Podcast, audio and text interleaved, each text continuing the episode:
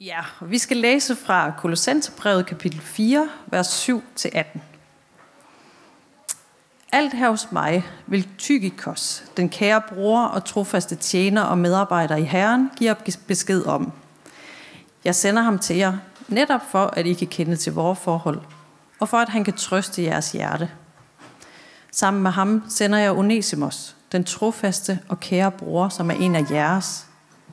De vil give jer besked om alting her. Hilsen fra Aristark, min medfange, og Markus, Barnabas' fætter, ham har I fået påbud om. Tag godt imod ham, når han kommer til jer. Og fra Jesus med tilnavnet Justus. De er de eneste jøder, som arbejder sammen med mig for Guds rige, og de har været mig til trøst. Hilsen fra jeres Epafras, Kristi Jesu tjener, som altid kæmper for jer i sine bønder, for at I kan stå fast, fuldkommende og med sikker forvisning om, hvad der i alle forhold er Guds vilje. Jeg kan bevidne, at han har meget møje for jeres skyld, og for dem i Laodikea og Hierapolis. Hilsen fra den kære Lukas, lægen, og fra Demas. Hils brødrene i Laodikea, og hils Nymfa og menigheden i hendes hus. Når brevet er blevet læst hos jer, så sørg for, at det også bliver læst i menigheden i Laodikea, og at I selv får brevet til Laodikea at læse. Sig til Arkippos, se til, at du gør fyldest i den tjeneste, du fik i Herren. Hilsen fra Paulus med min egen hånd. Husk mig i mine lænker. Nåden være med jer.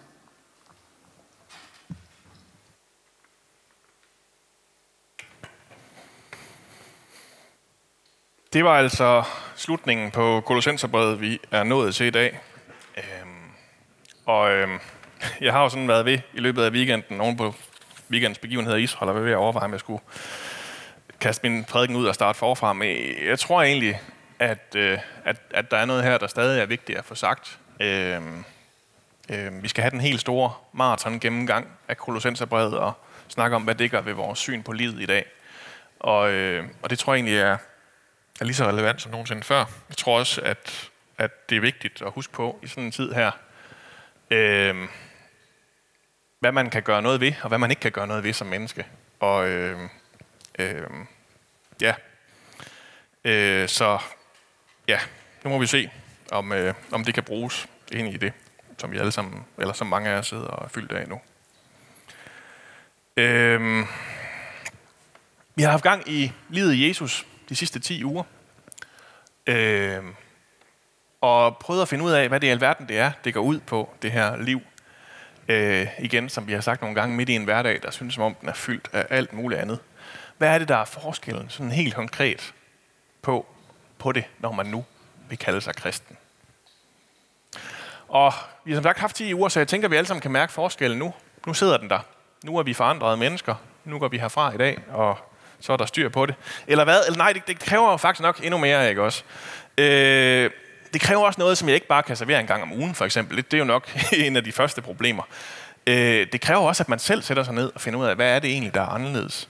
Hvad er det, jeg skal sige nej til? Hvad er det, jeg skal sige ja til, nu når at jeg er kristen? Hvad er det for nogle værdier, rutiner og praksiser, som skal præge mit liv? Øh, det kan man så til gengæld også komme hurtigt komme til at slå alt for stort op og sige, så skal jeg til at stå op klokken 4 om morgenen og bede i tre timer.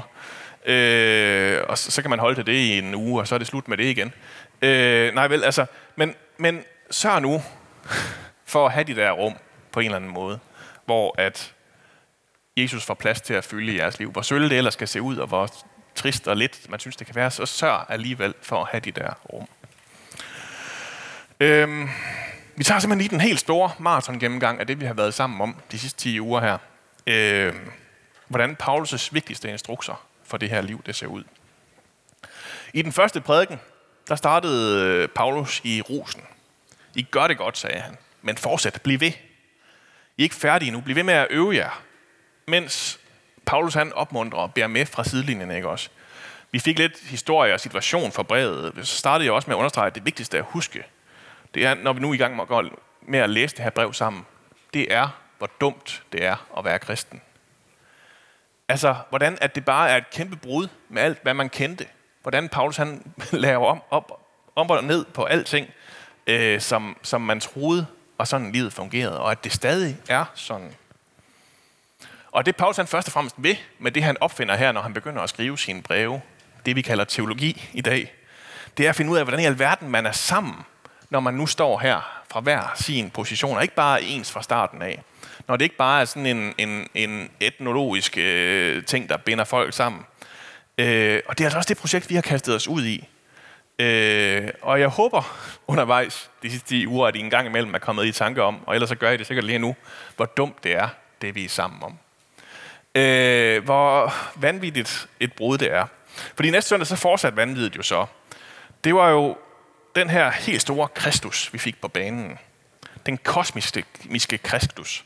Ham alt starter og slutter ved. Ham, der er meget mere end bare menneskers frelser. Ved ham, hvor alt og til ham, øh, øh, jeg synes, skal jeg sige det rigtigt, ved ham og til ham er alting skabt, står der. Han er forud for alt, og alt består ved ham. Gud er vi ud af hullet her. Den her religion er ikke noget, der foregår inde i et, et hemmeligt lokale nogle timer om ugen. Det her, det handler om alting. Det var sådan, det var for Paulus og Adam og Moses. Moses han skal finde ud af, at jorden er hellig, at vi ikke engang kan trække vejret, uden at vi kalder på Gud. At det kun er hos Gud, vi kan finde fred. Og i resten af brevet, der, øh, der, øh, øh, øh, og at resten af brevet i øvrigt ikke giver nogen mening, hvis, hvis det her det ikke gør. Hvis vi ikke starter og slutter med Kristus. At de her opskrifter på det gode liv, som vi når til i slutningen af brevet, de bliver dybt ligegyldige, hvis det ikke er ved Kristus, man starter og slutter.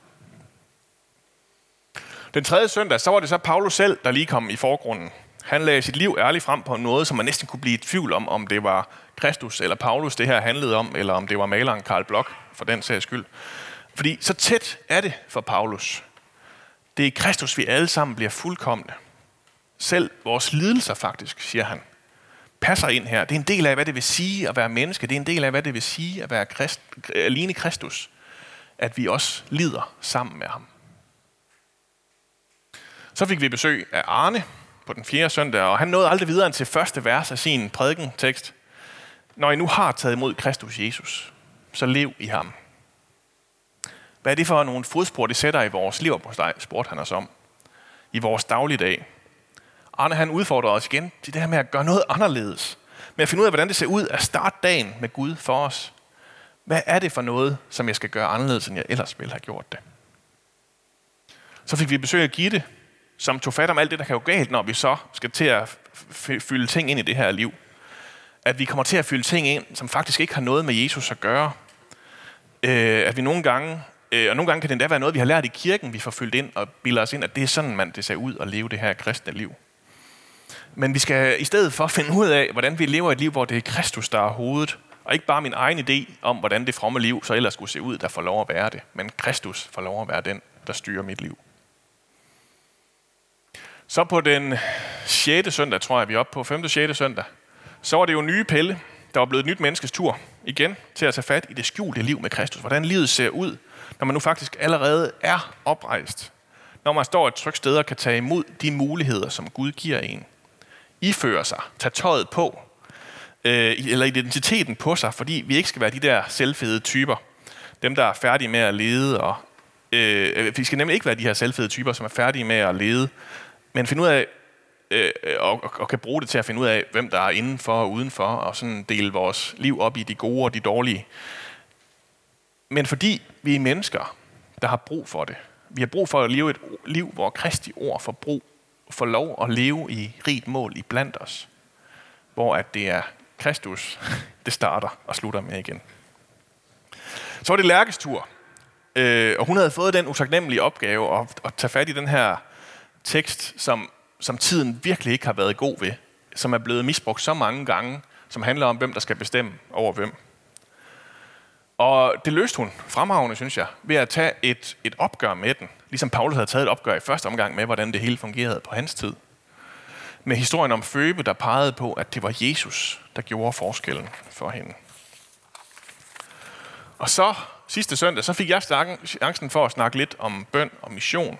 Øh, at udfordre hinanden på at leve et kristenliv, hvor at det faktisk betyder noget. hvor vi faktisk får mulighed for at risikere noget.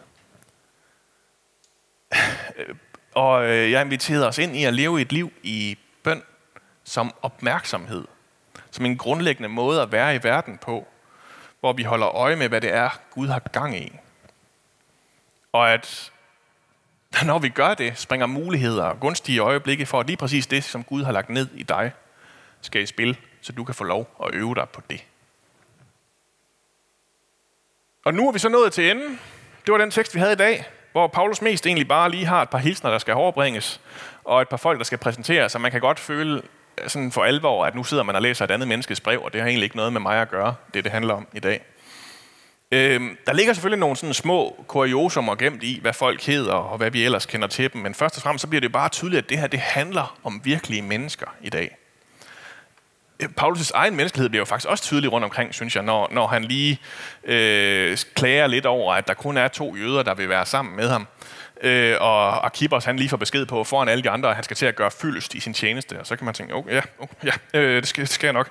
Øh, og så får vi også at vide, at det er skrevet fra Paulus' egen hånd, den sidste hilsen, i hans egne lænker. Det, det er derfra, det kommer, det her brev. Det kommer fra et liv i smerte og lidelse og i indespæring.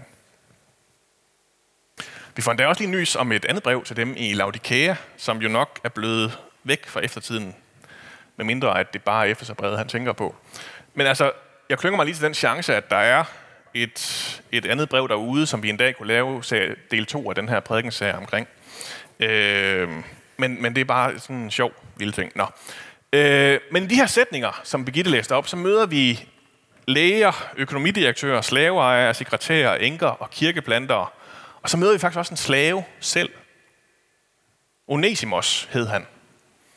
Og Onesimos, han er en bortløben slave, der nu er blevet sendt hjem til sin herre af Paulus. Det står der ikke noget om i det her.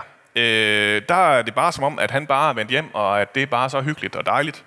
Men vi har et andet brev, brevet til Filimon, til slaveherren, slaveejeren, som Onesimus har haft med til ham. Øh, og det, der er på spil, det er, at Onesimus er stukket af fra sin herre. Er på en eller anden, og Filimon, det er faktisk ham, der huser kolossensermenigheden. Det, det er ham, de øh, mødes hos og har deres øh, gudstjenester hos. Men nu er Onesimus så rent ind i Paulus på en eller anden måde undervejs i den her flugt, og er blevet omvendt, er blevet kristen.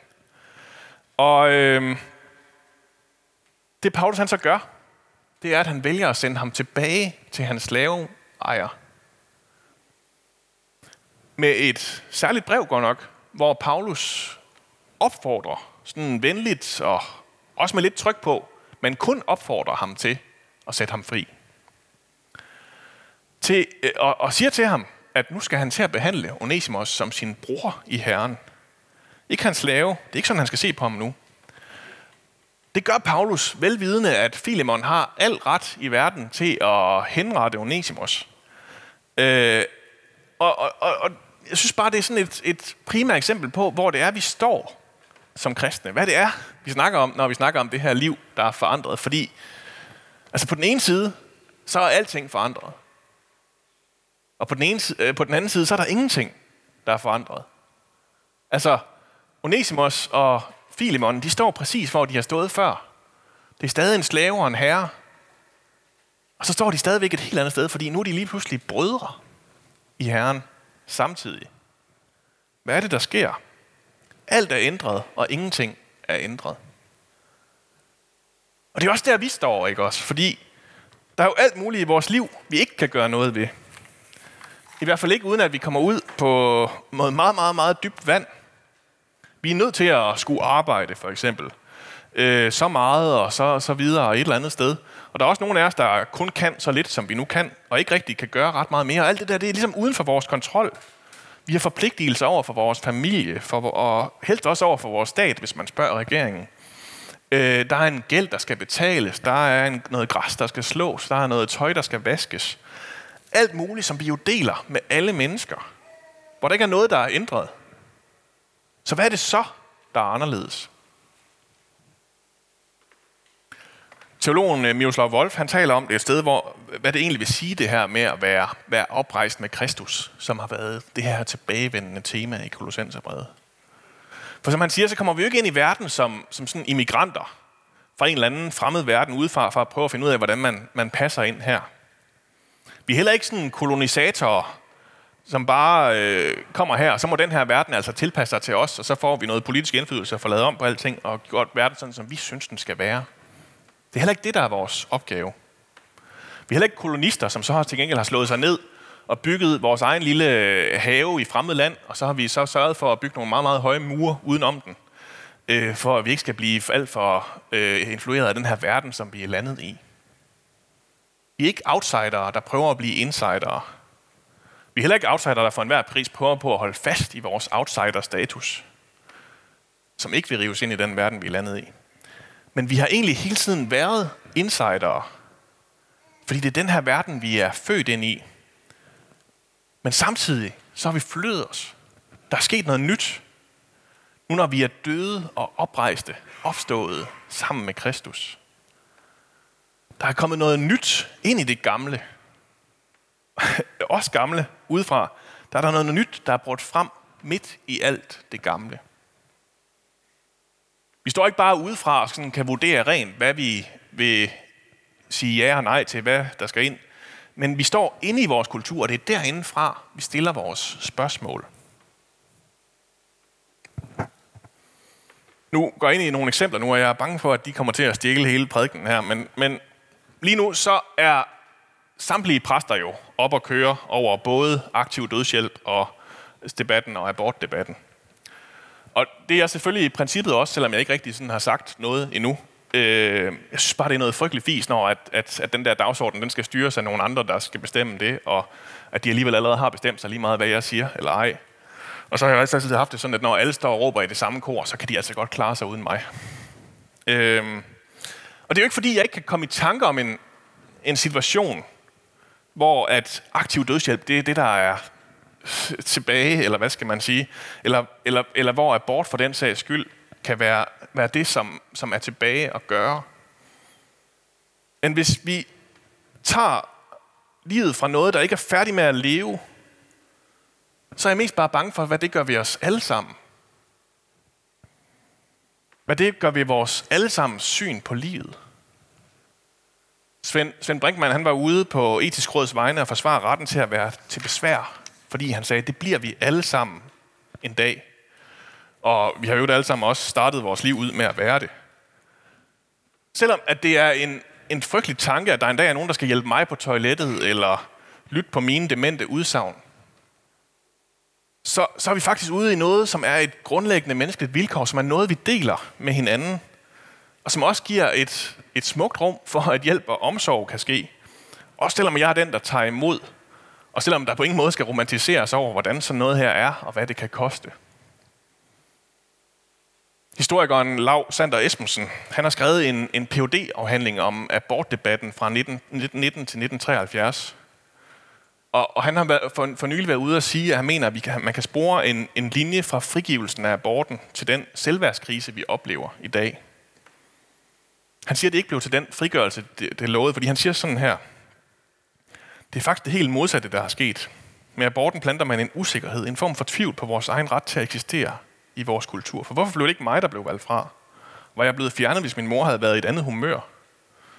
Legalisering af aborten er et grundlæggende opgør med ideen om livets ukrænkelighed, og med det opgør, vi har sat, har vi også sat ideen om, at livet er godt i sig selv over og styr. Liv er ikke værdifuldt i sig selv. Livet er kun godt, hvis det føles godt, hvis det har kvalitet. Ellers er det ikke noget værd. Dermed bliver aborten og det massefænomen, det har udviklet sig til, en kilde til et bestemt menneskesyn.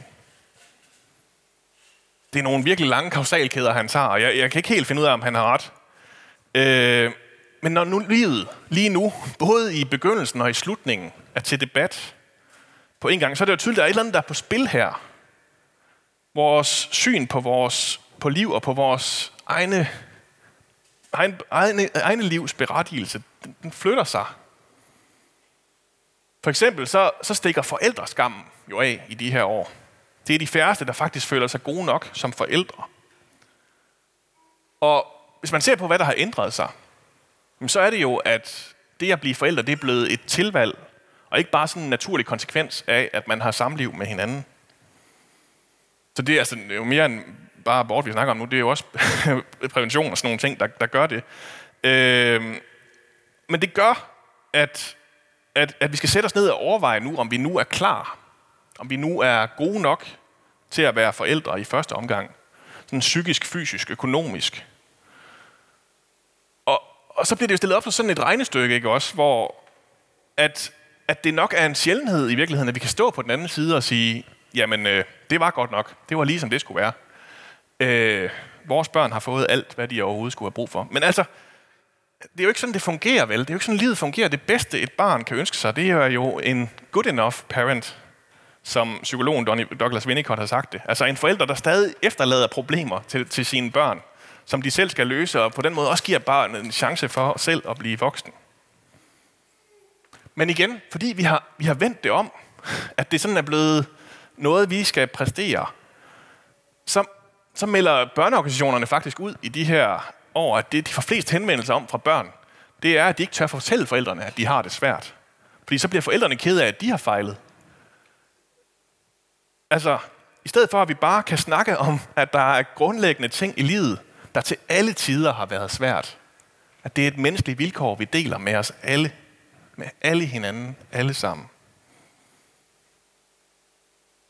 Og så fik jeg vist lavet en lige så lang kausalkæde som Laura Esbensen. Men, men hvis jeg lige skal binde sløjfen færdig, så er den svære kunst jo, når man tager den her debat.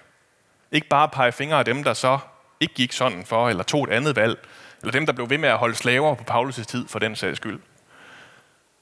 Fordi det lykkes Paulus faktisk med at lade være med. Selvom han er lige op i ansigtet på Filemon, selvom han konfronterer ham hårdt med hans grundlæggende eksistensgrundlag, hans business,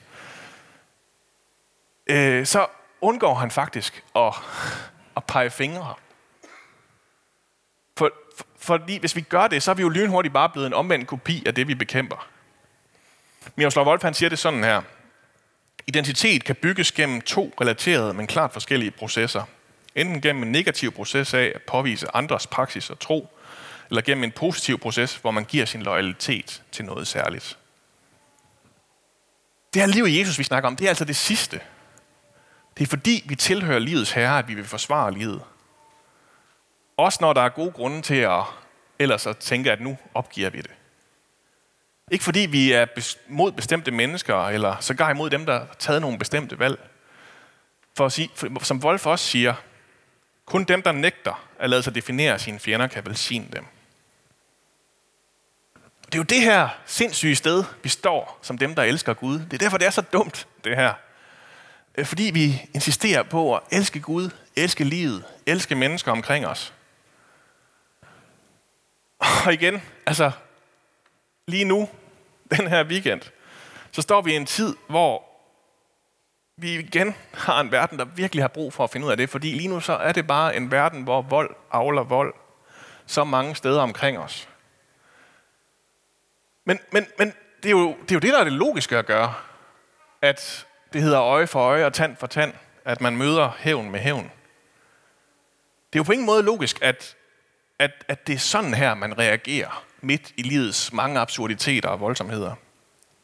Det er kun noget, man kan få et andet sted end hos sig selv. Man er nødt til at gå til Gud for, at godhed og barmhjertighed og tilgivelse, at det kan blive en respons på det sindssyge, vi møder i vores liv. Men for dem, der er oprejst med Kristus, så er det faktisk en mulig respons, siger Paulus her. Det er det, det her liv med Jesus, det går ud på. Det er det, der er opgaven. At finde ud af, hvordan Guds mægtige kærlighed er det, der fylder ind i alle mine relationer. Til mig selv, til min næste og til Gud. Og det er ikke nemt i en verden, der kalder på alt muligt andet. Men Paulus slutter heldigvis også sit brev af med at sige, at, at her står vi altså aldrig alene i. Fordi det, han slutter med at sige, det er sådan her. Nåden være med jer. I har min guddommelige magt med jer, der hvor I går. Lad os bede sammen.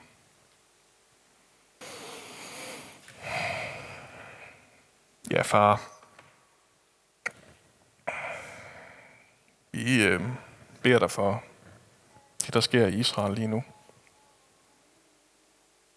Må du øh, beskytte dit, dit folk.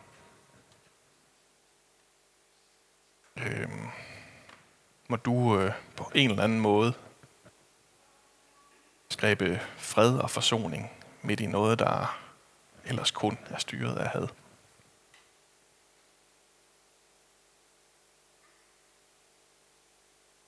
Far, hjælp os til at se, hvad vi kan gøre, og hvad vi ikke kan gøre. Og ja, tak fordi vi kan bede til dig for resten. Så siger vi dig tak for det her liv, Jesus, som du har givet os. Tak fordi, at du har brugt Paulus til at dele de her ord med kolossensermenigheden. Tak for den her grundlæggende skubben på, på at det, I gør det godt. Bliv ved, fortsæt. Tak fordi, at du, Kristus, er alt i alle, at det er i dig, vi lever og ånder og er. Hjælp os til at se ud, hvordan det her liv, grundfæstet i dig, det ser ud. Hvad det er, vi gør anderledes. Hvad det er, vi siger ja og nej til. Hjælp os til at iføre os godheden og kærligheden og barmhjertigheden. Til at stå oprejst med dig og aflægge os det gamle. Send os ud i verden og lær os at ture og stole på, at du er der, at du bærer. At du kan holde til, at vi bruger de gunstige øjeblikke. Og ja.